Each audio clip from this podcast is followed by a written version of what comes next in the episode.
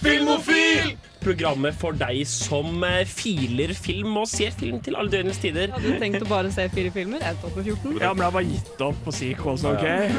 Ikke det Ringenes herre, så ser jeg deg. Jeg har stor respekt for Niklas Gersh. Den filmen, den var dårlig. Det er bare å gjøre det. Herregud, jeg er veldig klar over at det showet er skitt. Det er nå TV-ofil. Ha-ha. Du hører på Filmofil på Radio Revolt. Hasta la vista, Ja. baby. Velkommen tilbake til nok en Filmofil-sending. Vi er her faktisk i dag også, til tross for hva Hvem skulle trodd? Vi har ikke regna bort. Vi, vi har faktisk ikke det. Eller blåst bort. Eller noen. Vi er her faktisk fortsatt. Og vi skal snakke overraskende nok om film i dag òg. Wait, what? Kanskje det kom som et sjokk for deg, Trine, men jeg Jeg, beklager. jeg tror vi skulle snakke om bøker i dag. Vi skal snakke om film. Og vi skal snakke mer spesifikt om eh, One Man Army-filmer. Og vi har hatt, eh, eller jeg har vært og besøkt en, eh, en norsk regissør, Jannicke Mm. Systad Jacobsen, i dag. Så vi skal ha et lite intervju med henne også. Mm, det skal vi få høre. Jarand har vært flink. Filmoflink og klippet og intervjuet. Men ja Går det bra, Trine? Nei, jeg er litt stressa helt på dette Ja, vi skal, i hvert fall mens Trine roer seg ned, så skal vi eh, høre en låt før vi går over til hva vi har sett siden sist. Og vi skal da høre Ja, vi skal høre Bokassa med Crimson Riders. Ja, hei. Vi er fortsatt Filmofil. Og August, du har sett film siden sist. Ja, jeg har faktisk eh, gjort et ganske stort innhugg i eh, IMDbs topp 250-liste siden sist. Oh, oi, Det ble litt sånn, eh, det ble litt sånn tema for helga, i grunnen. Så jeg fikk, jeg fikk sett tre filmer derfra. Det ene var eh, Neon Genesis Evangelion-filmen, The End of Evangelion. Så er også uh, Dommen i Nürnberg, uh, en, et 60-tallsdrama om, uh, om rettssaken etter andre verdenskrig. Og August er tilbake i studio. Oh, yes. Men den jeg hadde lyst til å snakke om nå, var egentlig Dead Poets Society. For Ah. den hadde jeg aldri sett før. Og jeg vet ikke jeg, jeg, jeg var ikke helt med på hypen rundt den. Den ble Jeg overhypa rett, rett og slett for deg. Ja, men liksom. er, er, det, er dere fan av den? Jeg liker den godt. Det er regissør Peter Weirs uh, kanskje mest menneskelige film. Sånn, altså, hans mest naturlige drama. I måte, altså, Truman Show har veldig mye menneskelig følelse, men det er, du får en mye sånn uh, Disse karakterene føles ektere enn en karakterene i Truman Show. Da. Rart det der. Veldig merkelig. Uh, og uh, den nå avdøde Robin Williams er jo helt fantastisk Å, i den rollen. Jeg syns det er veldig trist å tenke på at Robin Williams ikke gjorde mer enn han gjorde, på en måte. For han er så utrolig Han har så utrolig nyansert skuespill. Ja. Sånn som der, da, som er, Han er morsom i den rollen. Og Mm. det er sånn Noen tror Good Morning Vietnam er en fuckings komedie fordi han er så morsom i den rollen. Men det er en kjempe, altså det er kjemperørende dramahistorie. ikke sant? Mm. Og det gjelder Dead Poet Society òg, og det gjelder Good Will Hunting.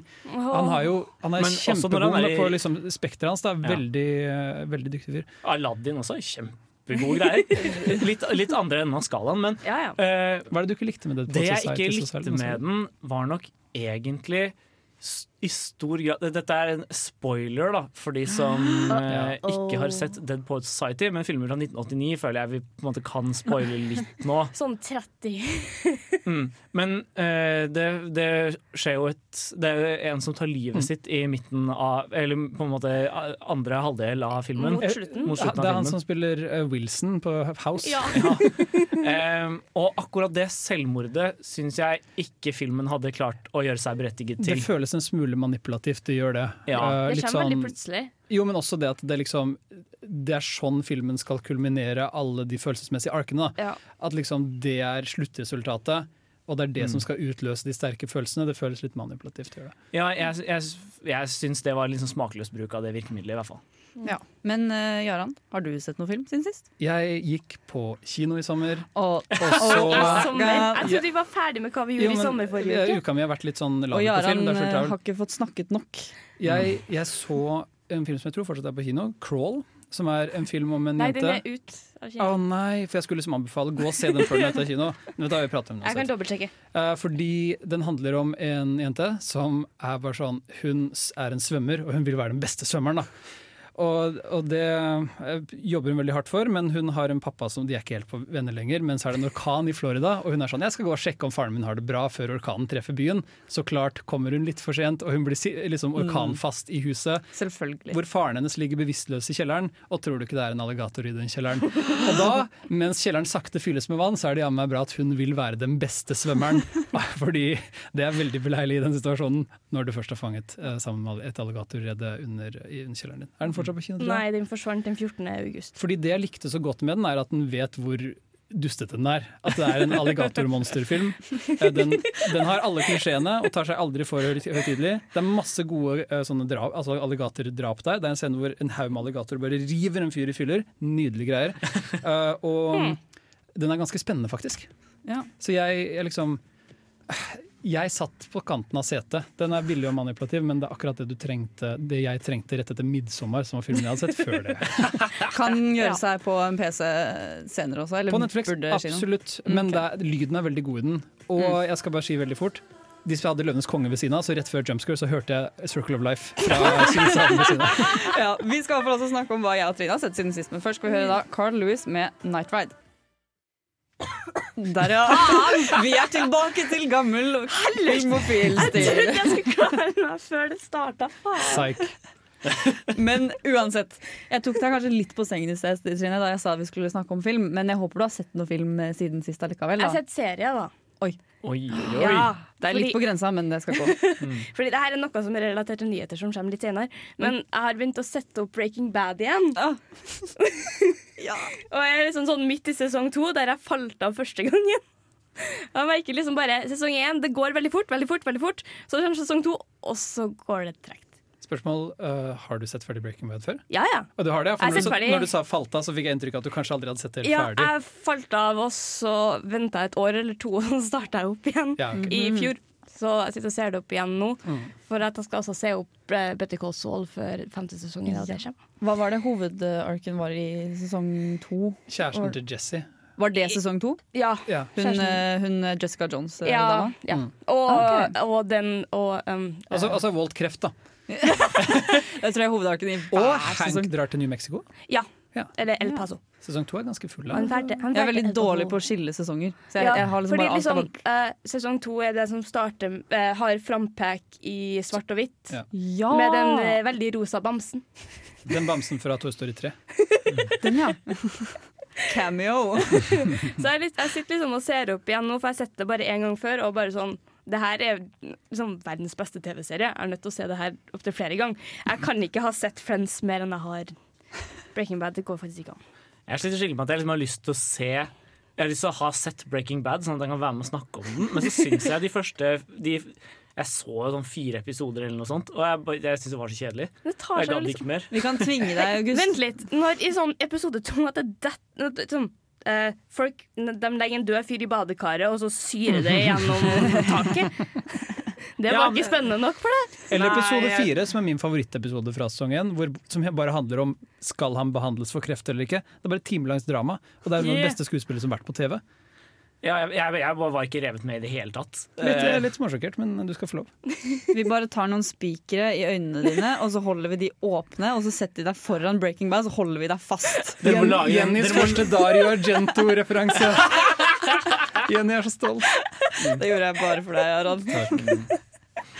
Men ja, jeg har også faktisk sett film siden sist, til tross for at jeg så det i sommerferien, men eh, det går fint. Hva er det du har sett, da? Jeg har sett en film som heter 'Loving Vincent'. Mm. Ja, det er den, den animerte den. filmen som er på Netflix Mm, nå. For, Hvor liksom de har Er den på Netflix? Ja, den er på Netflix. ja, ja. Vi kjøper Blu-ray. Men i hvert fall fordi jeg var liksom interessert Eller jeg så eh, Jeg husker ikke hvordan jeg fikk vite om den, men jeg tror jeg så liksom bare coveret på Blu-rayen. Og så var jeg sånn Hm, hva er dette her for noe? Og så så jeg at det var liksom en animert historie om Vincent van Gogh sitt, Gogh sitt liv. Og så, så lurte jeg på hvordan det kom til å skje. Og så begynte vi å se filmen, og så starter den med at de sier at det er 100 eller noe, eh, malere og kunstnere som har vært med å håndtegne eller Ja. håndmale hele filmen. Og jeg ble sånn Hæ? og så, det var litt rart i starten, men det var skikkelig skikkelig bra gjort. Og jeg satt og var skikkelig fascinert hele filmen, for det, var så, det er så unik måte å gjøre film på. da. Jeg har aldri sett det før. på en måte. Men bortsett fra liksom det visuelle ved det, Mm. fenget filmen deg Det var For det var jo en veldig tam historie, egentlig. For det handler om Det er jo det som har vært hovedinnvendingen mot filmen, egentlig. ja. Det at, det at de har brukt en, et, så mye penger og et så på en måte ekspressivt uttrykk på en så platt historie. Jeg har ikke sett den selv ennå, men jeg gleder meg veldig til å få sett den på Netflix. mm. Jeg tenkte å si litt sånn som uh, Herregud, ah, jeg glemte navnet på Ja, filmen! Ja, Into the Spider-Verse. Nei, jeg tenkte, tenkt heller på liksom ah, Boyhood, der du bruker gjerne mange år på et konsept, og så er, var Mm. filmen mye. Boyhood er lillebroren min. Ikke snakk stygt om Boyhood. Jeg er glad i. Men uansett så er det jo fordi det er egentlig en ganske tam historie. Men jeg syns hvert fall at, det at den kunstneriske delen ved den gjorde litt opp for det. For det handler egentlig bare om at det er en fyr som skal levere et brev til den nærmeste slektningen, levende slektningen til Van Gogh.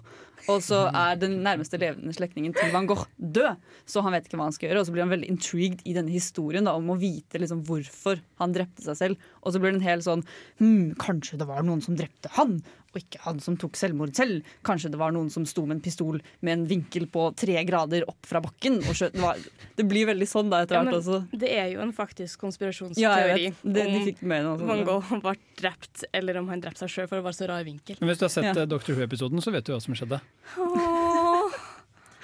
Og on that note så tror jeg vi går videre. Vi skal høre kombos med Sushi Ramen Bruce Lee Wu- Wu-Tang Clan. Der hørte vi altså kombos med Sushi Ramen Bruce Lee Wu-Tang Clan. Og jeg tror det er det mest gøyeste bandnavnet jeg har hørt. Det, det er Lå, det er låtnavnet. For Hæ? bandet er Kombos. Jeg kan dette her. Jeg har vært programleder kjempelenge. Kjempelenge. Men jeg syns det var i hvert fall litt morsomt, da. Men uansett, vi eh, skal ikke snakke om musikk. Vi skal, sn- vi skal snakke om eh, Og derfor, Ja, ja! det er akkurat derfor. Vi skal snakke om film, og mer presist skal vi ha noen nyheter. Yeah. Med Gå nyhetsanker! Jeg kan fortsatt ikke ta det der seriøst etter, ja. Jeg tror ikke det er meningen. Nei, det er sant. Hvis du begynner, hadde tatt det seriøst, hadde vi begynt. men jeg begynner liksom alltid å flire, og det, det tar liksom opp ekstra tid. Det er ikke bra. Nei, men jeg, tror, jeg tror vi starter litt med en nyhet om Matthew McConaughey. Å nei. All right, all right, all right. Hey. Å nei, nei, nei! Ikke det der igjen. Um, hvis noen har lyst til å bli undervist av Matthew McConaughey, I hva da? Sex? Jara. Sjekking. Jara. Hjelp! Jeg bidrar. Ja, sant. Så kan dere flytte til Texas. Fordi han har blitt professor ved universitetet, et eller annet universitet i Texas. Der han underviser Hva var det da? Script to film, eller noe sånt. Så nå har han nådd bunn, da. Egentlig. Siden han har begynt med å lære og Ja. skuespill. Men han er, han, han er jo fortsatt en aktiv skuespiller. Er han ikke det? Ja, Syns du det er å nå bunnen? Ja, eller, og, og, og lære opp den neste generasjonen med Jaran, Jaran, det, er bare, det er det man hører i Hvis, film og serier. hvis du ikke kan, så lærer du. Sant? Ja. Mm. Jeg, jeg nevnte jo til Trine når vi prata om dette i stad, at Spike Lee underviser jo i film ved det, Amer- altså NYU, New Yorks universitet. Og jeg tenker det var dritkult, det. Han, altså, mens han lagde Black eh, K- K- Klansman, Ja. så var han også professor ved NYU. Det er kjempestilig. Og Black Clansman var en av de bedre filmene det Oscar-året, syns jeg. Ja, Michael Hannicke har jo også undervist masse på et av universitetene i Østerrike, hvis jeg ikke tar feil. Så, Tenk så kult det er å bli å lært opp av Michael Hannicke, liksom. ja, det er jo det har helt vilt. drømmen. Så jeg vil ikke si det er å nå bunnen. Nei, Nei, men han Men- kanskje Når det er sagt, så føler jeg ikke helt McConaughey er i samme selskap som de to vi nevnte nå. Han er jo en veldig god skuespiller, han har jo litt bakomkunnskap, da. Jeg Sånn- tror han stikker av etter Dark Towers gjorde det så jævlig dårlig. Han bare 'jeg vil ikke Er han- mer'! Er han i eksil? Kanskje. Men var det skript han skulle Ja, script to film. Ja, ok. En slags adaptasjonsprosess, da. Ja, virker sånn. Jeg vet ikke, det står liksom Eller, er, det ikke, er det ikke det som kalles liksom, Eller regi? Å lage film. Eller script to screen var det. Script to screen. Så, mm. to screen. så regi. Eller kanskje bare det er hele den magiske prosessen fra, fra et skript blir unnfanget til en film går på lerretet, liksom. At det er mer en slags Det høres ut som et litt sånn snevert Så øh, alt, alt unntatt manus, da. du, du må spørre noen som tar den, dette kurset. Jeg tror kanskje han ikke vet helt hva det er selv ennå. Det høres litt sånn ut. Jeg er skeptisk, og jeg vil ikke flytte til Texas. Nei, det, Med tanke på at du heller kan flytte til Østerrike. Ikke sant? Du kan trykke på knappen. Ja, trykk på knappen! Gjør han det fortsatt? God radio, Jeg, dere! jeg, bare sier liksom, jeg kom løpende inn i regn, ut av regnet inn hit for en halvtime siden. Uh, Jeg kom hit for et kvarter siden. det er sant, Så men liksom selv, så- med litt høy puls, så beklager. eh, Skrytesession i film. OK. Um, James Bond har jo fått offisiell tittel. Ja, det er sant. Hva, hva Er, er det? er det double, 007? Nei, Det er ikke det James Bonds offisielle tittel? filmen. Nye filmen skal få ny tittel. Ny tittel, faktisk. Tittel. Den skal hete No Time To Die. Mm, fordi han har faktisk ikke tid til å dø. Han har for mye å gjøre. Han er en opptatt mann. Det er sagt. det var kjempegøy hvis du har den klassiske den James Bond-scenen hvor han blir liksom tatt inn konfronterer skurken, og skurken er sånn 'Good evening, Mr. Bond', og Bond bare I, I don't have time for this. Jesus. Not again. Det høres mer ut som uh, tittelen på en One Punch Man-episode, August. Det høres veldig ut som tittelen på en One Punch Man-episode. No time to die. Men Herregud. det er jo sikkert derfor den heter det.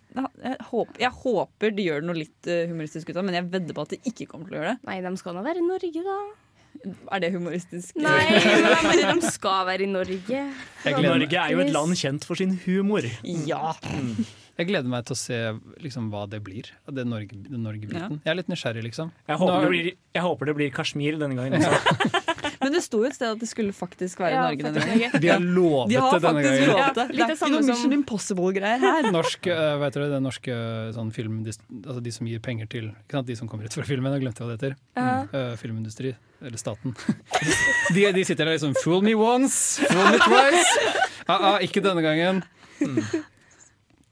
Det kan til å trykke. Vi må ha øyekontakt, Ja, jeg Jarand. beklager. Ok, Det har kommet nyheter om James Gunn sin Suicide Squad. Den har fått, uh, mest sannsynlig fått to nye skuespillere. Det er Nathan Fillion, som er kjent fra Firefly. Også fra Castle. Ja, jeg tenkte akkurat å si Castle sjøl. Um, ja, det er vel de han er mest kjent for. Ja, så spiller han i noen andre TV-serier, noe som jeg ikke helt vet hva er. for noe. Han spiller en Og så har han, en sånn, han, kom, han er med i en episode av Big Bang Theory, tror jeg. Alle har vært med i den. Altså Stephen Ja. Hawking har vært med. i den. Men den andre som er annonsert, er Taika Waititi. Hæ? Wait, hva? Nå har jeg plutselig lyst til å se Suicide Squad 2. Ja! Hvordan Vet du hvilken, hva slags rolle Taika Waititi skal Nei, jeg tror han fortsatt er bare i sånne samtaler om å, å Gjør det, Taika! det er, For de som ikke husker det, så er det mannen som regisserte Thor Ragnarok Ja, og så og What han, We Do In The Shadows. Ja. Og han er også er skuespiller i begge de filmene. han er Korg Ja, han steinfyren. i uh, Ragnarok. Han skal jo også lage uh, Thor Love and Thunder, som er den neste Thor-filmen. Det blir interessant. Men det er Taika Watiti, så Det er, hyggelig, det det er hyggelig å høre at han og James Gunn åpenbart ikke krangler. da At de liksom er blitt venner. Fordi det er litt sånn eh, Taika Waititi kom liksom litt inn i domenet til James Gunn, som han raringen som lager Marvel-filmer også. Det er sant. Men liksom, han, Taika har jo en film nå der han springer rundt som Hitler, da. Ja, Så- sant det! Var vel den het? Eh, Jojo Rabbit. Ja, Jojo Ja. Rabbit, stemmer. Jeg gleder meg kjempemye til det. tenkte Peter Rabbit, men det er noe helt annet. Hvis Hitler hadde vært en Peter Rabbit, hadde det vært en bedre film.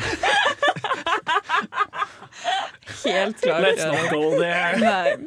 Jeg tror, vi, jeg tror vi heller tar en liten pause jeg, og bare fordøyer den informasjonen. Og så skal vi snakke litt mer om nyheter etterpå. Men først skal vi høre da Brenn med Keen. Hei, mitt navn er Atle Antonsen. Du lytter til Filmofil på radio Revolt, og det gjør du helt til programmet er ferdig. Det er bare et eller annet med stemmen til Atle Antonsen som er litt sånn litt beroligende og Ja. litt sånn Det er Atle Antonsen! Og så får du litt lyst til å skjerpe deg. Ja, det, Ja. Særlig når han sier det på den måten. Ja. Tenk om Atle Antonsen liksom bare kunne- hadde kommet til huset ditt og kjefta på deg. Å nei. Hadde jeg kanskje begynt å gråte, tror jeg. Jeg jeg. føler litt han gjør det hver gang han kommer på TV og sier at jeg må kildesortere. Oh, ja. de. Men ja, vi, har du noen flere nyheter til oss, Trine? Ja, det her er jo grunnen til at jeg begynner å se opp Breaking Bad igjen. Fordi i helga så ble det annonsert når Breaking Bad-filmen skal komme på Netflix. Fordi det kom jo som en nyhet Det kom en nyhet i fjor og bare sånn Ja, det kommer en Breaking Bad-film med Aaron Paul. Bare OK. Den skal komme 11. oktober i år På Netflix. på Netflix. Allerede. Den skal hete El Camino. Ja. Men når var det den ble Som også er navnet på en Black lansert? At de skulle ha den? Jeg føler liksom Det står vel her at det var i november i fjor. Ja, så Men- det, Nyheten har vært ute i jeg føler over et år. Ja, Ja. en liten stund, men jeg, Vince Gilligan sa det vel nesten før han begynte på Better Call Saul, at han hadde en drøm om å lage en Breaking Bad-oppfølger, og da ville Ja. fokuset vært uh, Jesse. Mm. Ja, Så det- han har nok tenkt på det en stund. For det er sånn Tagline er vel 'Hvor er Jesse?' Jeg tror ikke den kommer til å slå helt an, den taglinen. Nei, det er Where's Jesse? Den kan slå an. Å, men du ga meg blikket! Nei, jeg gjorde ikke det! Ok. Helt ferdig. Men jeg skulle liksom fortsette inn på annet det Breaking Bad-relatert stuff. Fordi Bob Odenkirk har snakka om sesong fem av Better Call Saul. Og da har han liksom Ja. sagt at det sånn Alt er i fyr og flamme, og det brenner rundt dem. Det er basically sesong fem.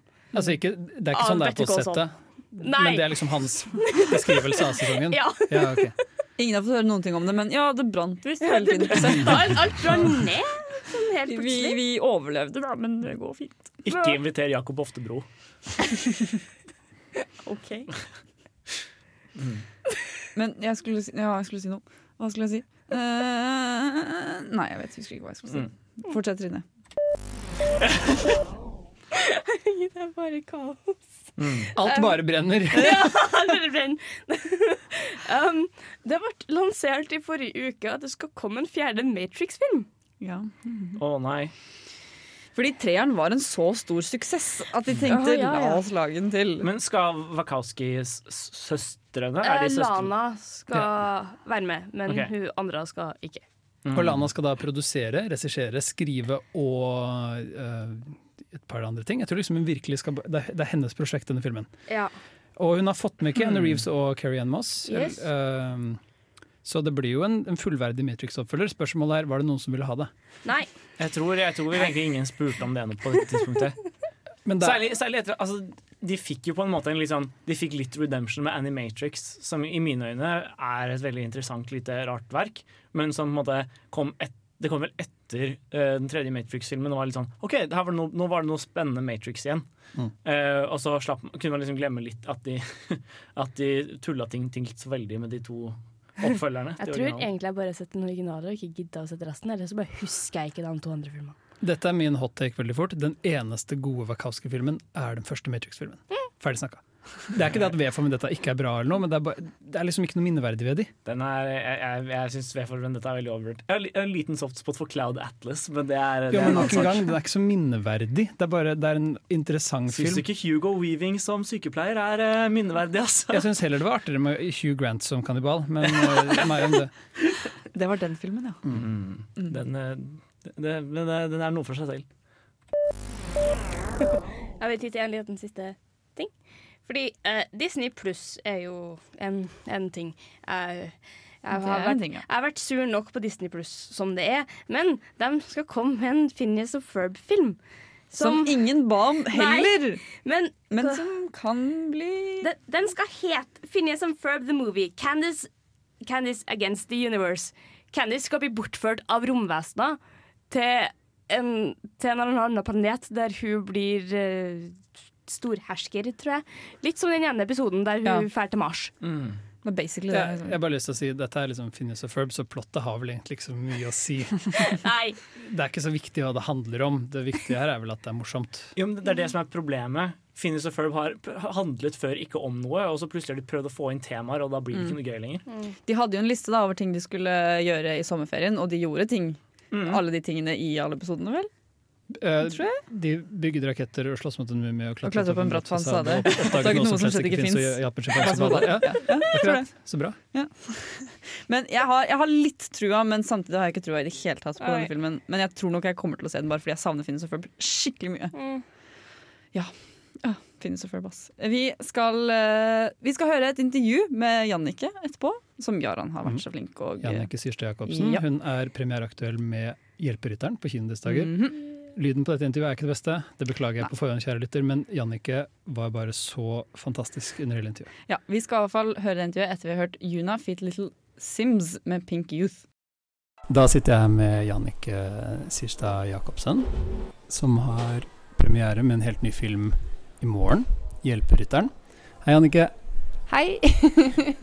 uh, og det første jeg har tenkt å spørre deg om, det er du slo jo liksom litt gjennom med din aller første funksjonsfilm i 2011, 'Få meg på, for faen'. Og har, vi har egentlig ikke hørt noe fra deg siden det. Hva har du gjort i mellomtiden? Nei, jeg har eh, Altså, det er jo en litt sånn trist historie, men jeg holdt jo veldig lenge på med et annet spillefilmprosjekt som eh, til slutt eh, ikke Eller måtte Hva er det for noe? Skrotes. Så det er jo en sånn Det var en eh, sorgkomedie om arkeologer som het Pontus Halmstrøms etterlatenskaper. Som eh, eh, Jeg fikk produksjonsstøtte, men det var jo Jeg vet ikke om dere husker eh, Eller vi er jo husker Vi vet jo hvem vi har i regjering nå. De, når de kom i regjering første gang Det første kulturministeren gjorde, hun Vidvei, var jo å gjøre et ganske stort jafs i eh, støtten til Eller til film, da. Spillefilm. Blant annet. Så da, så da fikk man liksom plutselig mye mindre summer, sånn at det ble mye tyngre å finansiere. Så liksom filmer som, var, som ble kalt liksom mellomfilmer, som verken var liksom lavbudsjett eller superkommersie, de ja, ble liksom mye mer komplisert å finansiere, da. Det lykkes ikke. Da, det men jeg har jo gjort mye annet. Jeg har jo annet vært eh, filmkonsulent her i, i Midt-Norge for kort- og dokumentarfilm. Det var jeg et par år. Det var jo ikke fulltid. Og så har jeg jobbet med forskjellige andre eh, prosjekter, eh, bl.a. en dokumentarfilm. Ja, litt forskjellig, egentlig. Nå har jeg jo jobbet, må det sies at jeg har jobbet med Hjelperytteren siden 2016, så det er jo noen år det også. Men det er jo fem år. Og så var det jo etterpå meg på, så var det jo en del fordi den gjorde det ganske bra internasjonalt. Det var både festivaler og øh, at den ble lansert på kino i andre land, så var jeg jo en del rundt også, hvor, man, hvor liksom holdt på med den filmen egentlig kanskje ikke ja, I hvert fall en god del, nesten et år, da. Eh, og fulgte den opp rundt omkring, som var veldig, veldig gøy. Tiden, tiden flyr. Uh, Variety kalte deg jo faktisk topp ti europeiske regissører å følge med på i 2011. Fikk du med deg det? Ja, ja, jeg var jo på sånn Det var på Carlo Vivari. De hadde sånn program med ti, eh, ti europeiske regissører. Så jeg var jo der med den gruppa var på et sånt opplegg. Så det var jo veldig Det var staselig. Det var litt stas her hjemme òg, jeg husker det godt, faktisk. uh, tenker du liksom at, du er, at dette er et, et comeback for deg på norske kinoer da?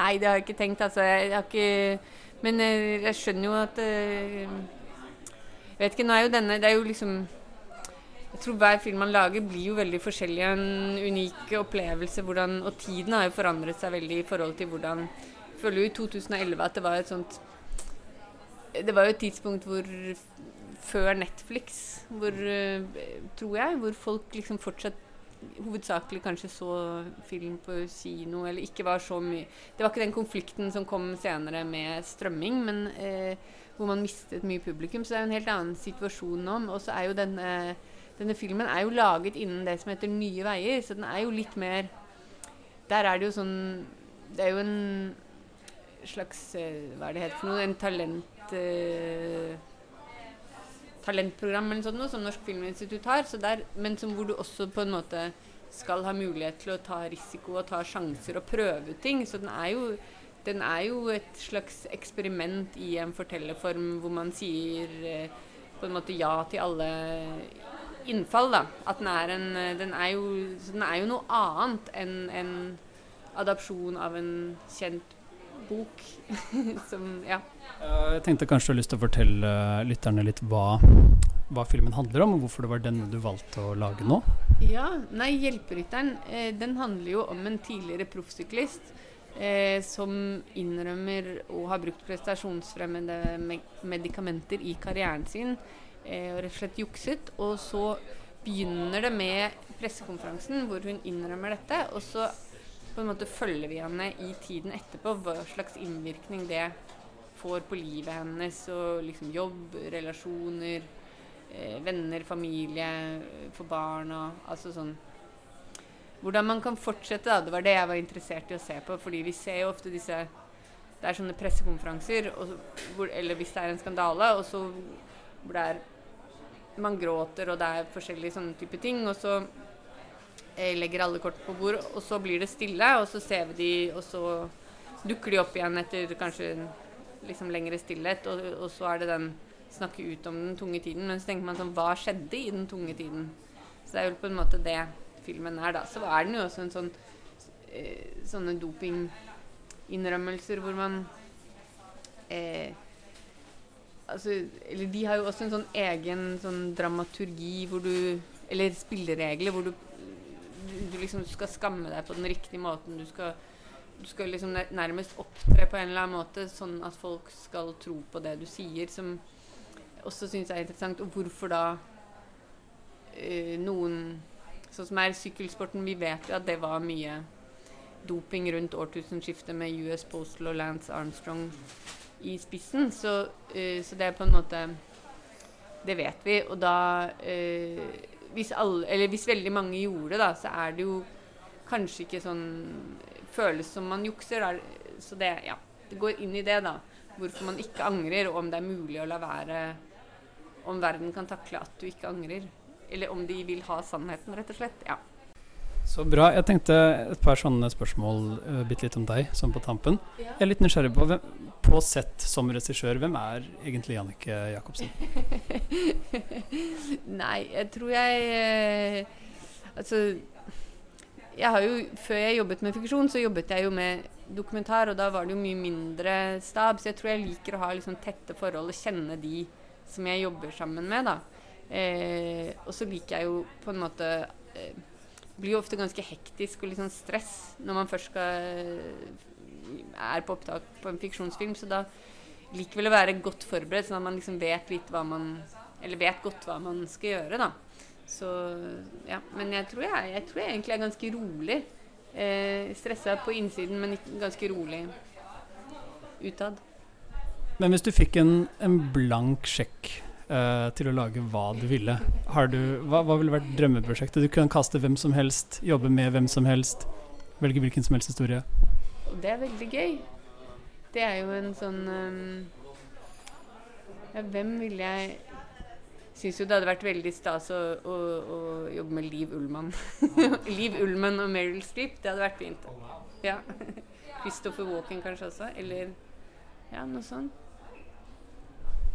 Det hadde vært en Det høres ut som en kjempespennende film. Og um, To søstre, som, to søstre som over havet, som ikke har sett hverandre, eller de har blitt skilt, et eller annet sånn gjenforening, krangel. jeg syns du skal sende det inn med en gang. jeg. Bare skrive, skrive et spekkskrift. Um, fra både denne filmen og hjelperytter, altså fra Hjelperytteren også får meg på eventuelt andre dokumentarprosjekter du har jobbet med. Hva er kanskje ditt beste minne fra sett, eller fra prosessen med å lage en film? da? Nei, eh, her eh, i det, På Hjelperytteren som jeg sier, jeg syns det var Det var jo en lang Ikke lang, men den, jo, den var, den var ganske sånn Etter hvert Vi hadde en eh, hovedopptaksperiode i Oslo, og så helt på tampen av den så dro vi til Danmark for å filme en elefant.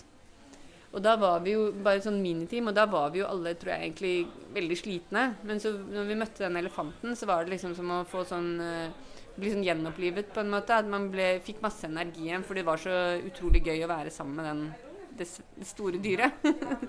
så det, det var vel en sånn eh, Og det føltes litt sånn magisk å være med den elefanten, rett og slett. Tror jeg alle ble Ja, man blir godt humør av å jobbe med en elefant. Så det er ikke en spoiler at det er en elefant med i Hjelperytteren? Nei, den er vel rett og slett på plakaten også. Jeg tror den er i traileren òg. Så den eh, Det er ikke noe spoiler. Har, hva, liksom, hva ser du på og hører på og leser du for tiden? Har du noen anbefalinger å komme med? Eh, bortsett fra Hjelperytteren, som alle burde se på kino. Jeg har faktisk begynt å se på The Crown, som jeg syns er ganske fascinerende. Jeg, sånn, eh, jeg har ikke kommet inn i det før, men jeg har også akkurat sett litt sånne dokumentarer om hun Diana. Som jeg synes, for det er jo en del Begynner jo å bli noen Det er 20 år siden Nei, 22 er det. 97. For det var rett før jeg Faktisk liksom et par uker før jeg dro til England for å studere. Så det var sånn jeg flyttet dit akkurat idet hun eh, døde. Men eh, så sett litt på det, og så Og det er jo Har man jo har jeg litt sånn glemt, men så syns jeg det Og nå å liksom se hun dronning Elisabeth som ung syns jeg har vært veldig fascinerende. Litt sånn overraskende. Og også han mannen hennes og søsteren og hele det Ja. Så det er kongefamilie det går i? Akkurat nå akkurat nå så så jeg den Jøsta, som er på HBO. Den uh, Lucas Moddison. som har laget den. Den er en sånn eh, sitcom om en Eller det skal vel være en, i hvert fall sånne halvtimer. Og High Maintenance, som også er på HBO, syns jeg var veldig bra. Eh, og så leser jeg en veldig fin bok som heter eh, Er det Pond Life den heter? Al Alvarez. Alvarez. Han er eh, som eh, sånn svømmedagbok. Som en eldre mann som går og svømmer i et tjern i, på Hampstead Deep i London. Og blir, blir i godt humør av det. som, som liksom, ja, som er veldig fine skildringer rett og slett av å svømme. Svømme, svømme og livet og bli eldre. Men uh, tusen takk for at du hadde tid. da. Takk for meg. Vi er fortsatt filmofil. Vi er, eh, etter noe som føltes som eh, veldig lang tid, så skal vi endelig snakke litt om film igjen. Vi skal snakke om film. Selv om Jannicke hørtes veldig hyggelig ut. da. Det var eh, kjempekoselig. Ja. Det var jo et forhånds, forhåndsinnspilt intervju som vi spilte inn for en time siden. Eh, Med litt sånn uh, lydutstyr litt sånn på halv tolv, og vi satt bare et hjørne på et hotell. Så det, det morsomste hadde jo vært om Jannicke vil komme i studio en gang. Ja. Hvis du hører dette, Jannicke, og er i byen. Det var så koselig prat med deg. Kom innom, vær så snill. Eh, men vi skal jo gå over til temadelen vår nå, som jeg nevnte i introen var eh, One Man Army-filmer. Men, og det er jo i forbindelse med at vi skulle jo egentlig anmelde Angel Has Fallen, som er den tredje i den der Olympus X Has Fallen. Ja. Som er- Has Fallen-serien. Ja, Som, som er liksom Olympus Has Fallen og London Has Fallen. Og Det var det den andre het, ja. Angel Has Fallen. Det, du merker jo tittelen at de eskalerer fra liksom et Olympus, som er Det hvite huset, på en måte, Has Fallen, og nå er det Angel. og det er liksom, det, Jeg tror de refererer til hele staten Los Angeles, egentlig? Eller er det bare jeg som Det, det er jo egentlig eh, karakteren som faller for de, de, de, de tror vel at han prøver å drepe presidenten hos Mannstikker. Som nå er spilt av Morgan Freeman, fordi Aaron Eckert, som på ingen måte er for god for noe som helst, var sånn Nei takk, jeg, jeg Men ikke nei, det var jo det var Morgan Freeman hele tida. Nei, det var Aaron Aaron Eckert har, har vel spilt jeg, tror, jeg tror han spilte president i en annen film som var veldig lik. Nei, Jamie Fox var president i en annen film som var veldig lik. Aaron Eckert, Morgan Freeman var visepresident, og så nå har Aaron Eckert Ah. trukket seg fra serien fordi han som spilte I. Frankenstein, syntes han var for bra for dette. Men uansett, da. Det, hva er egentlig en One Man Army-film, Gøran? Det er denne litt sånn spesifikke action Det er jo en, en actionfilm, men Mm. den har en del troper særlig knyttet til hovedkarakteren. da Hvor han på en måte, eller henne, for det kan være henne også, Ja. de er den, Karakteren er gjerne den beste på det de gjør. Men de er ikke superhelter. Wolverines pleier å si at han er den beste på det han gjør, men han er på en måte, de, de er ikke overmenneskelige. De er bare den beste leiemorderen. Presidentens beste livvakt. Det er alltid liksom én person som man, Hvem skal vi ringe? Jo, han eller hun. Og da er det liksom den ene personen som har et specific set of skills uh, som en annen One Man Army, Army skryter av å ha. Ja, det er litt sånn ja, hvem, var, hvem var det du drepte hun til? Å nei, drepte du hunden til John. Ja, det er- Nå skal du få blø! Ja, da, da sliter du. Det er, liksom, det, det er den ene personen med rykte som går foran vedkommende, og som bare er dritgod. Og det, Man kunne jo tro at disse filmene blør litt i hverandre, av og til så gjør de jo det. Men, men overraskende nok så er det litt å hente i denne sjangeren. Og de er jo som oftest ganske underholdende, for konseptet er så enkelt som mann som litt motvillig trekkes inn i, i en veldig voldelig situasjon, banker opp absolutt alle fordi han har et veldig, perso er veldig personlig stakes som regel. Noen du er glad i er kidnappet, drept, eller det skal hevnes. Etter han skal hevnes. Eller så er han i ferd med å dø. Ja. Det er Et eller annet skal være i hvert fall one last job-type ting. Eh, Jeg føler litt, eh, det, det er et poeng å skille den fra The Chosen One-tropen. ja, som Neo, for eksempel. Eller Frodo. Harry Potter. For uh, One Man Army er på en måte det er, mer, det er mer en sånn westernrelatert Ja, trope, mens uh, The Chosen One er mer sånn fantasy. Og en One Man Army kan gjerne være en antihelt, mens Mm. en, en Chosen One er som regel de slåss for det gode. da. Ja. Mens en One Man Army er litt mer sånn jeg driter i hva andre syns, dette gjør jeg for meg. Uh, er gjerne motivasjonen deres. De er ganske egoistiske, sånn egentlig. Da. Noen av de kan jo være det, og vi skal prate med et par av de i løpet av sendingen. Tease. Men ja, vi skal dette skal vi kose oss med resten av i dag, til klokken ti. Så det er bare å fortsette å høre på Filmofil. Vi skal snakke litt om eh, forskjellige sjangere og type ting i denne merkelige lille tropen. Men først skal vi høre eh, J00 med 'Make Me Feel Again'. Ja, her er vi Oh. nok en gang. Og eh, vet du hva? Jeg bare sier Jaran, take it away. Ja. Vi prater jo fortsatt om One Man Army actionfilmer. Ja, det gjør vi. Uh, og det skal vel nevnes at jeg uh, måtte, Min filmskole var litt actionfilmer. Det var der jeg først fikk filminteressen veldig mye. Jeg har sett Die Hard gudene vet hvor mange ganger. Jeg ser den kanskje to ganger i året hvis jeg får til. Eh, og John McLean er en klassisk one man army på alle måter. Ja.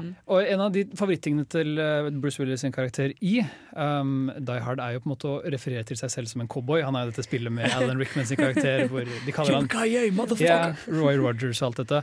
Uh, Og det er på en måte litt artig å tenke på at denne tropen som vi i dag tenker på veldig sånne de hardbarkede detektivene og, og leiemorderne og sånn som henger rundt i regnfylte gater og sånn, det kommer jo egentlig fra westernsjangeren. På litt sånn 50-60-tallet så var det en del av disse um, For de som har sett Once Upon a Time i Hollywood, så refererer de jo faktisk til den originale Django-filmen av Sergio Carbucci, som er en sånn, en opphav, et slags opphav til å sedimentere den rollefiguren, da, sammen med Clint Eastwood-filmen og alt dette. Men det har jo røtter enda lenger tilbake enn det òg, da. Du har, altså John Wayne i seg selv har jo veldig ofte vært litt tendenser til eh, one man army. Mm. Men, men, eh, men ja, du har nok rett i at noe endret seg med, med Django og, og alt Clint Eastwood gjorde i den perioden. Det var noe med at disse mennene ble så veldig macho. Det altså ikke det at John Wayne ikke var et macho-fyr, men han, rollene han gjorde varierte veldig uh, i, i machohetsgrad. Eh, mens disse, disse nye westernheltene var ofte litt sånn stoiske og, og, og stille. Og, og de var bare menn av handling, ikke menn av ord. Ofte fordi de ikke var så gode skuespillere. Men de var best!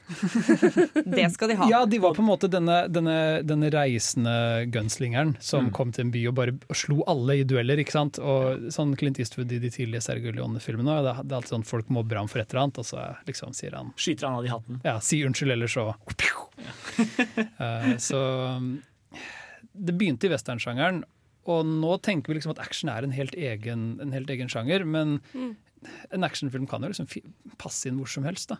Vi har jo sett en science fiction-film som eh, jeg i høyeste grad vil klassifisere som One Man Army. Mm. Som vi skal prate om litt senere. Du har jo sånn, sånn The Meg også, som kunne ha vært eh, Jeg har ikke sett den der, men jeg, den Du har ikke kunne jo- den? Nei, Men sånn, er men, pappa men- har sett den, og han snakker veldig mye om den hele tiden. Når du har annen type Det er liksom eh, prequelsen prequelsen av Star Wars. Det- Jediene kan klassifiseres som one man, one man army. I hvert fall en One Jedi den- Army. Det er å strekke den litt grann, da, men TV Tropes gjør det, jeg kan også gjøre det. Jo, men sånn, Anakin er det Sky, det er jo en ting med prequelsen at de er bokstavelig talt kjedelige, for du er aldri redd for karakterene. For de bare skjærer gjennom disse robotene som de er smør. ikke sant? Eh, men de er kanskje litt mer i Chosen One-området. Kanskje, bitte litt, For det er noen magiske krefter involvert. I hvert fall Anakin. Anakin. det finnes i hvert fall utrolig mye rart eh, og forskjellig inni en veldig liten trope, kan man nok si. Vi skal i hvert fall snakke litt om hjemmeleksen vi ga dere eh, forrige uke. nemlig 'Escape from New York'. Men først skal vi høre Emil Stabil med en sang, 'Fit Gucci Mane'. Oi, ja, OK, da var den ferdig. Det var brått. Takk, takk for deg. Det egner seg ikke for radio, den brå slutten. Takk for deg. Gjør jobben til Jenny vanskelig. Emil Stabil, lag mer radiovennlig musikk. Klar tilbakemelding fra Filmofil. Vi er de, de du skal høre på når det kommer til sånne ting. Ja. Vi har i hvert fall eh, sett en film som heter 'Escape from New York', som er en av dine favorittfilmer, uh, Jaran. Ja, men jeg tror det er kanskje bedre at noen andre leder Ja, ja. fordi jeg kommer jo til å miste det Men, eh, ja. Så det er hold det i baktankene når du hører litt om denne filmen også. Men eh, August, hva, hva er egentlig denne filmen for noe? Nei, Vi møter jo raskt vår ø, hovedperson, Snake Pliskin. Han, ø, han er den beste. Han er en tidligere dekorert krigs krigshelt. Han har fått Ja. to, to Purple Hearts. eh, og var, det, var den yngste som hadde fått en eller annen medalje av presidenten. Og liksom, Ja. han, er, han er dritgod, men så har han, men så har han ranet The Federal Reserve eller noe sånt. Ja, og skal nå i fengsel. Og dette er jo selvfølgelig et alternativt 1997, hvor hele Manhattan er et stort fengsel. Og det er, det er det Manhattan er. Ikke bare er 1997, men det er nå, som det står på tittelkortet. Men, eh, men i hvert fall for, fordi det har blitt så stor økning i kriminalitet. 400 Ja. Ja, 400% økning i kriminalitet. Eh, Så man fant ut at det letteste var å bare gi alle kriminelle livstidsdom, å gjøre om hele Manhattan til et stort fengsel. Så, og, og det er ingen vakter på innsiden. Eh, De har bare satt opp en mur rundt hele Manhattan og lagt miner på alle broene.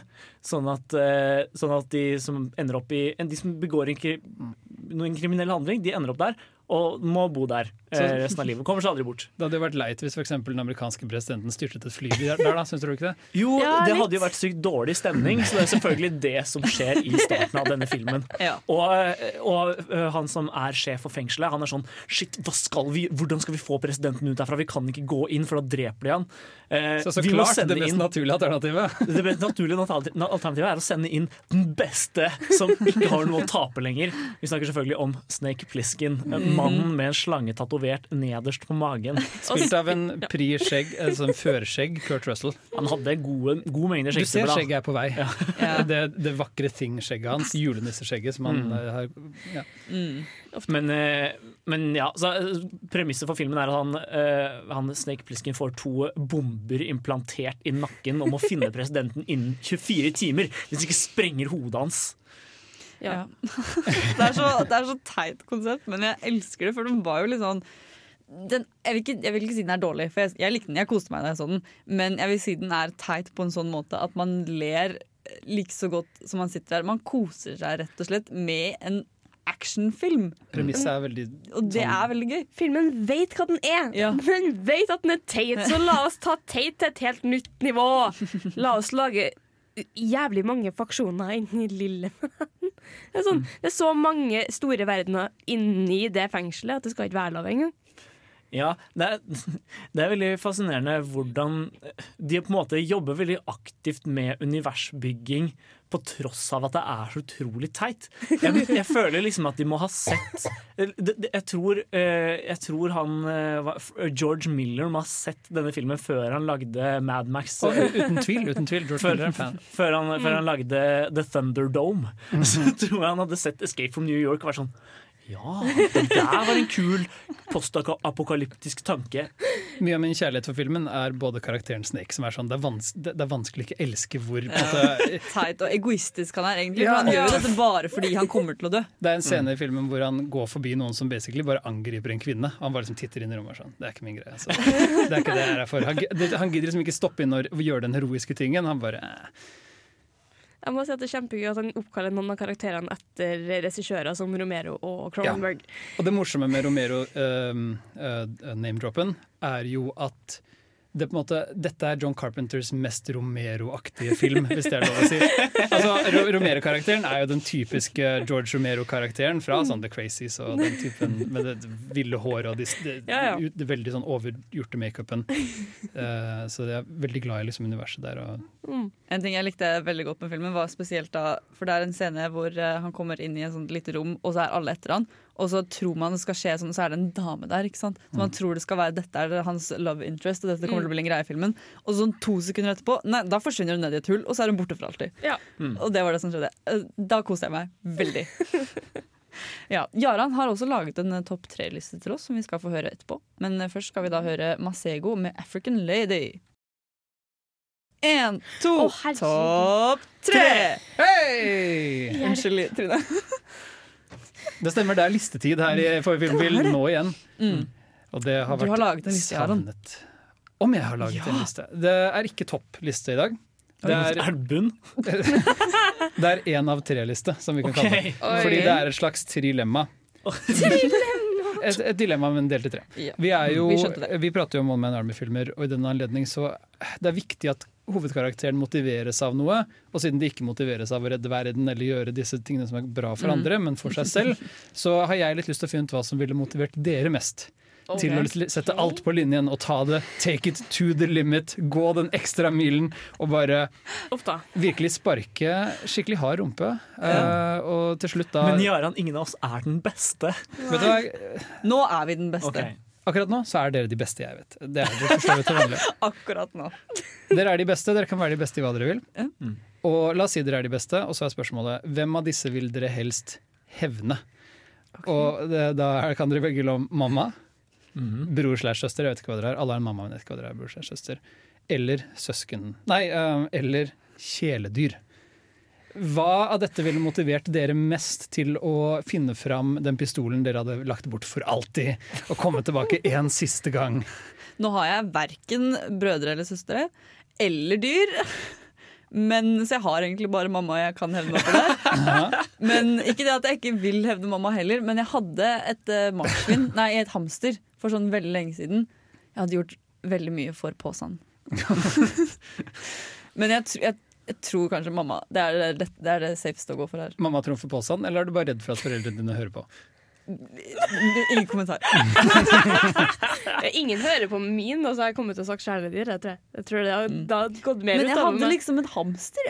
Liksom, folk kan jo tråkke på det. Så liksom, skal jeg hevne Jeg hadde en hund, da, så jeg blir litt John Ja, Wick, tror jeg. ikke sant? Med en gang sånn, Trine mm, Wick. Trine Wick. Nei, jeg, jeg, jeg syns det er vanskelig å skulle velge bort enten mamma eller min søster. Det, Ja, men du må velge, for det er sånne Jeg velger bort både mamma og brorsan, så jeg skal ikke si ja, men jeg bryr meg ikke så mye om kattene mine. um, Men det, dette handler ikke om å velge bort, det handler om å velge hvem du blir sintest av å miste. På en men måte. jeg blir jo sint av å miste begge. Du må velge. Du må velge før låt. Ja, det blir det Tiril, da. Søstera mi. Tiril August elsker deg. Det er ingen tvil om at hun min Nikita er den som ville gjort meg sintest hvis hun ble drept av en haug med skurker. Hvem hadde du valgt å gjøre? Ja, hunden min Nikita. Ja, hun din, ja. Jeg hørte bare 'hun der, og så ble jeg liksom Da så. Så det ble egentlig kjæledyr ja, dere Kjæledyrene vant, tydeligvis. vant, ja. Mm. ja. Jeg var sånn halv ja, ja, ja. Vi skal eh, snakke litt eh, videre om eh, One Army Woman etterpå. Men vi skal først høre Sheer Mag med 'Hardly To Blame'. For et program i burra med både klasse og stil. Du hører på Filmofil. Ja! Den gjør meg alltid så glad. Ja. Er det din favorittjingle? Mer enn Atle Antonsen? Åh, nå spør du vanskelig. Min, Men, eh, eh, min favoritt er Aksel Hennie Nei, og nei, nei, nei, August. August. Dem har vi lagt døde. Tenk hvis Aksel Hennie hørte på nå. Trine, så ble han litt lei seg sikkert. Ja, men, nei. Han har mye å være glad for om dagen. Jeg tror han gifter seg, så det er sikkert fint. Men det er, ikke, det er ikke det vi skal snakke om her nå. Vi eh, har jo snakket litt om uh, ulike mm, One Man Army-filmer, men det, er jo, det finnes jo også kvinner her i denne verden. Ja, ja, det gjør det. Så Ja. det, er liksom, den, det, det beste eksempelet er kanskje Kill Bill, som er laga av Quentin Tarantino. Mm. Det skal også sies at dette her er jo egentlig også ukas filmlåt, så det kan hende vi får høre en låt fra Kill Bill Ja. Men det er liksom bare er det noen liksom, One Woman Army som er regissert av en kvinne? Jeg har vært borti et par, men de er ofte i en sjanger som ikke er One Woman Army-sjangeren, for den, den fins på en måte ikke helt. Ja. Og det er ofte det som heter rape revenge, uh, Ja. som er en ganske smakløs sjanger. Men det har vært et par kvinner som har prøvd seg der i det siste. Det var en film som bare het Revenge. Ja! uh, og stemmer. den handler om en kvinne som blir voldtatt og forlatt for å dø, og så kommer hun tilbake og knuser disse mennene uh, og virkelig hevner seg. Uh, det var en ganske god film, vil jeg påstå. Jeg vet ikke om det var hennes første film, men det er en kvinne som lager en film om en kvinne som dreper menn. For det blir veldig dumt hvis det bare er liksom mannfolk som regisserer, og så er det nesten bare menn som går rundt og Det er et poeng. En annen, eh, en annen som er, Det er litt på sida, men fortsatt regissert av en kvinne, er jo Wonder Woman. da Hun, er jo, Ja, men det- hun hadde på en måte passet inn i tropen hvis Ja. det ikke hadde vært for at hun var en superhelt. Så det Ja. finnes kvinner som lager filmer om sterke kvinner, men det er det at dette Det er ikke dem du hører om. Nei. Nei. Og dette, denne nisjen er veldig smal, så det er sant at det er nok mennene som har utmerket seg der også. Ja. Russ Mayers 'Faster Pussycat Kill Kill' er jo liksom en sånn en, fil, en av de mest ikoniske filmene om kvinner som banker opp menn, og det også er regissert av en mann. For Kill Bill handler jo også om ei som blir eh, Men hun er den beste, da. Det er noe med, som gjør at denne filmen virkelig passer inn der. Hun er liksom den beste leiemorderen på laget. En, eh, en eh, ting vi ikke nevnte i på en måte sjanger opphavs eh, på en måte, og Opphavet til One Man Army-tropen er jo uh, martial arts-filmene fra Hongkong. Ja. For de er også en viktig inspirasjon for mye av det vi i dag assosierer med The One Man Army. Og det er også veldig tydelig til stede i Kill Bill. Om Ja. Hun, eh, er. Og Hun ja, har vært uh, i, inst blitt instruert i tempel og blitt den beste. Og, Det er best. Jeg tror det der er i Kill Bill 2 akkurat nå. For Jeg har bare sett den første Kill Bill, og så holder jeg på å prøve å komme meg gjennom Kill Bill 2. Men den er så treg! En ting som er veldig tydelig i Kill Bill også, med måte, disse tropene, som vi ikke har rørt veldig mye ved, er jo det at uh, The Bride hun vil jo forlate den gjengen fordi hun vil begynne et enklere liv. Hun vil legge dette livet bak seg. Hun er Ja. ikke interessert i den drepinga lenger. Og sånn er det jo med, med Snake Plissken eller Liam Neeson i Taken. Jeg husker ikke hva karakteren hans heter. Eh, at de liksom, de vil, de vil, Det er motvillig at de trekkes inn i dette. Eller Men de er jo den beste, da, så de må liksom bare fullføre det før de kan eh, I uh, The Brides tilfelle så er det jo snakk om hevn, fordi de tok Ja, ja. fra henne hennes ene sjanse til å være Mm. lykkelig. Men du har jo også andre filmer enn Kill Bill òg. Det, er jo ikke- det er ikke bare den filmen som finnes. Du har jo også Atomic Blonde, som er veldig bra. Charlize Theron. Mm, eh, vil jeg påstå. overraskende Hun har jo også utmerket seg som en actionheltinne i det siste. Ja. Mad Max Fury Road var jo oh, fuck yeah. det, er ikke, det er på en måte mer en ensemble, fordi hun, hun og Tom Hardy utfyller hverandre veldig i den filmen. Ja. i forhold til hva de kan, Men det er, det er egentlig hennes film, den Ja. også. Og, og Atomic Blonde får hun virkelig bare lov å, å sparke rumpe. Jeg syns det er fascinerende hvor lite den filmen snakkes om, egentlig. For den har Ja, noen av de siste er. Eller den har en av det, I hvert fall i mine øyne en av liksom, de siste årenes klart sterkeste actionsekvenser. Hvor hun jobber seg ned en hel trapp uh, i én tagning. Og jeg, jeg følte så på kroppen alle slagene hun fikk mot seg. og sånn. Det, var- det var helt sjukt å se på. Du satt i sofaen uh, uh, Ja, uh. nei, du, får, du får litt vondt altså, av den scenen. Ja. Vi skal i hvert fall høre Woohoo fra Kill Bill nå. Å ja, det kommer det, var, det var veldig patriotisk slutt, så jeg sto og tok en salut, og da Det var tydeligvis gøy. Jeg er litt veldig morsom, egentlig. Hvorfor funker ikke Truls? Det var det, da. Men uh, vi i Filmofil er i hvert fall fortsatt, og vi skal ta en 360, tenker jeg. Og vi skal ta, fordi One Man Army-filmene er jo hovedsakelig Mener du egentlig en 180? Nei. 360 er jo Jeg Det er hele vendingen. Ja. ja. Vi tar en helvending, i hvert fall. Det, det kan man si. Det kan si. Det kan jeg si. Okay. Uansett. Vi, fordi One Man Army-filmer er det jo liksom at det er den beste som skal inn og redde alle sammen. Men det finnes jo også parodier på dette, kan man si. Det som er greia er at disse er ofte litt komiske i seg selv, disse, Mm. ikke sant? One Man Army-plottet. Så Bare ta det litt ja, hopp, spranget til komedie er egentlig ikke så langt. Du må bare begynne å ta deg selv litt mindre alvorlig enn disse filmene allerede gjør. Um, så du får denne karakteren Vi har jo pratet om Hot Fuzz som eksempel. Hatt en Mm. knapp på det. Ikke sant? Der har du jo Nicholas Angels, spilt av uh, Simon Pegg. Som bare, han er for god i, Ja. i London, så han blir bedt om å forlate London. Fordi han får resten av politidistriktet til å se dårlig ut. Så han blir liksom forvist til et sånn bitte lite village-sted som absolutt ikke er hans greie. Hvor alle er sånn det går fint, det var et mord. Ja, det var bare en ulykke. Og litt sånne ting. Da. Han er jo vant til sakene å han får, er sånn Jagen en svan eller Ja. et. Ja! Må fange svanen. Mm. De fanger den til slutt, da. Mm, Spoiler alert. Unnskyld. Og hoppe over litt gjerder og Den, Edgar Wrights uh, cornetto, liksom Hva kaller du det? Sånn inside joke? Repeat joke? Ja. Ja. De skal alltid hoppe over gjerder. Over et gjerde. Prøv i alle fall. Og gjør det suksessfullt, Det som er morsomt med Hot Fuzz, er at den er en sånn et slags en, et encyklopedie av actionfilmparodier. eh, til Ja. det punktet hvor Nick Frost sin karakter er en actionfilmfan og konstant liksom er sånn 'Dette er akkurat som i Bad Boys!' Og 'Dette er akkurat som i Point Break!' En av de beste scenene Eller en scene jeg alltid ler mye av, er når han står på bensinstasjonen på slutten og liksom lurer om han skal gå tilbake og faktisk oppklare dette. Så går han inn på bensinstasjonen og så ser han Bad Boys 2 på hylla. Og så er det sånn litt dramatisk zooming inn på den, og så ser man på Simon Pegg. Kjøper han noen stolbriller? Og en is. Men, men det er i hvert fall Jeg, jeg, syns det er vakkert at han lar seg inspirere av Bad Boys 2. En av, en av, mine, en av mine guilty pleasures.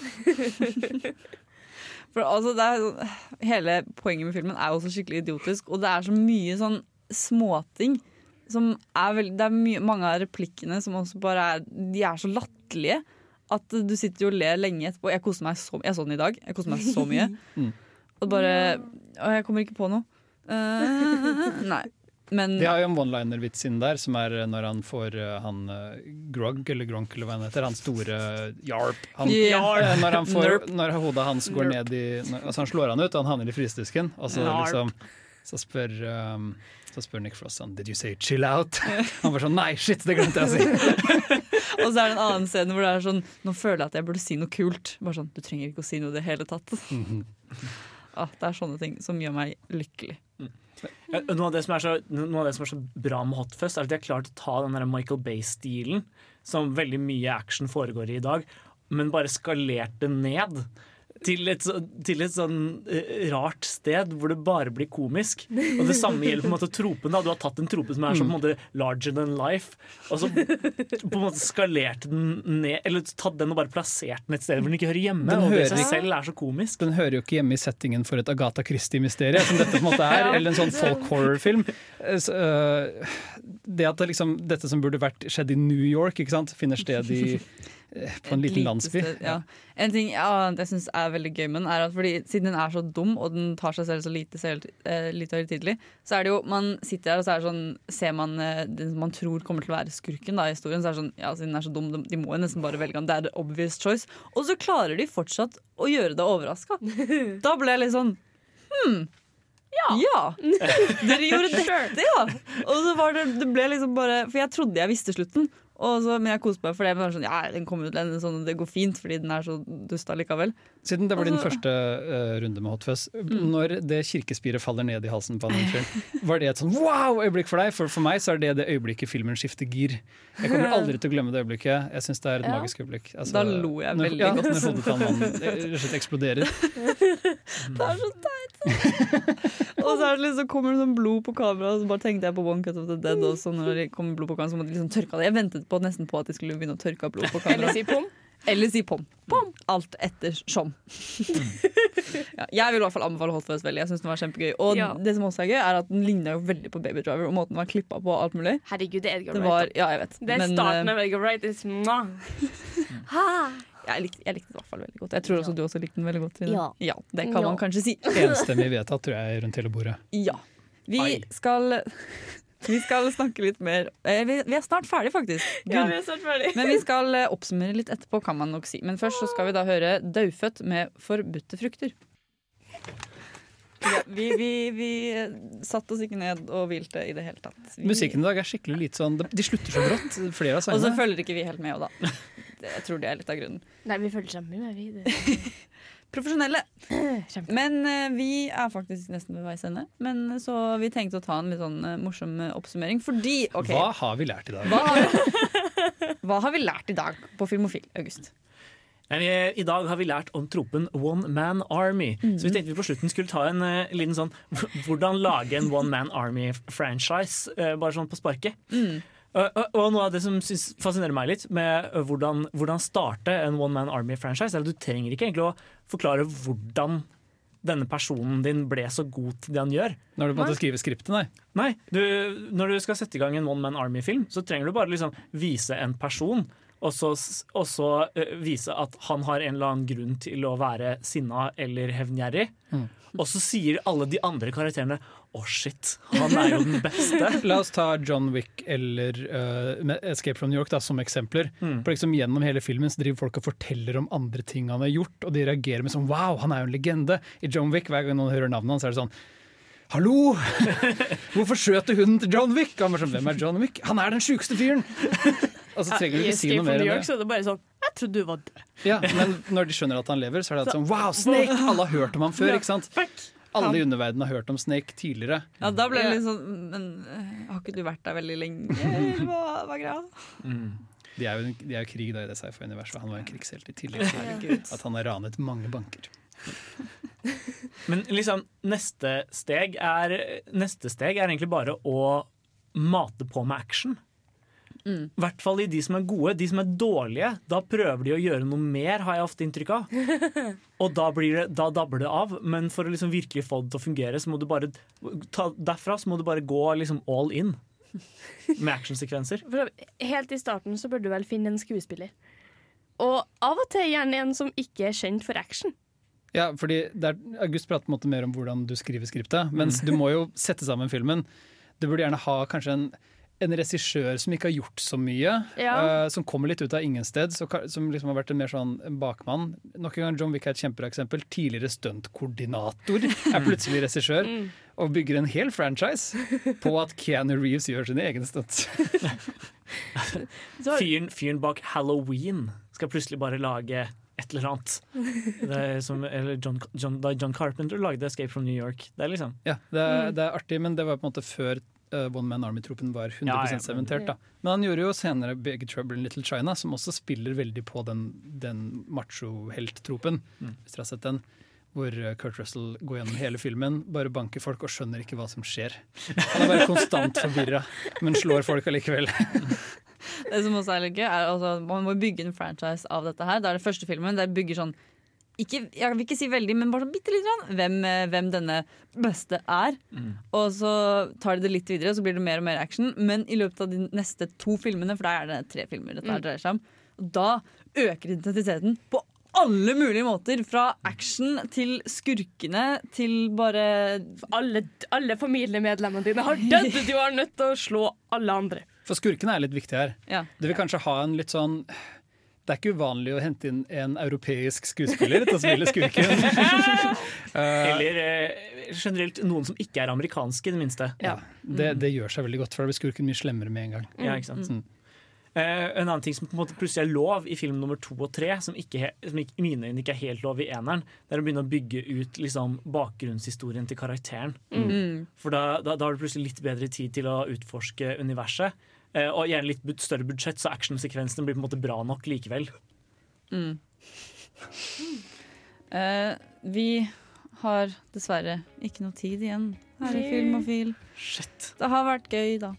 Vi har kost oss. Men vi er tilbake neste torsdag! Det, det, vi kommer tilbake du- etter låta. Og vi, ja, vi, vi, skal, vi skal si ordentlig ha det, men hvis du, hvis du savner oss i mellomtiden, så er vi jo på podkast og stream on demand og alt mulig. Ja. Vi skal si det siste ha det, eh, men før det så skal vi høre Magnus eh, Hengsle med 'Go With The Tide'. Vi har vært Filmofil, og vi har snakket om One Man Army. One, man, one Woman Army-filmer. One person One- army. Ja, jeg tror det bare blir det nå.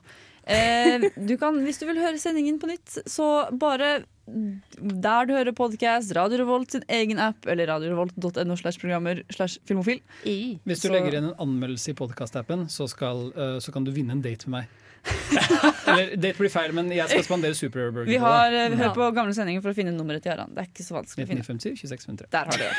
Eh, neste uke så skal vi snakke om godeste Tom Hanks i Jo. forbindelse med Toy Story 4. Ja. Det blir veldig kos. Og i den anledning skal vi da ha hjemmelekse. Blir da Green Mile. Yeah. Som, eh, ja. Vi har snakket om den før, men jeg tror ikke vi har snakket om den så mye. Nei. Det er en god film. Se den. Ja, se den. vi, men vi har også tatt opp et nytt medlem her i Filmofil.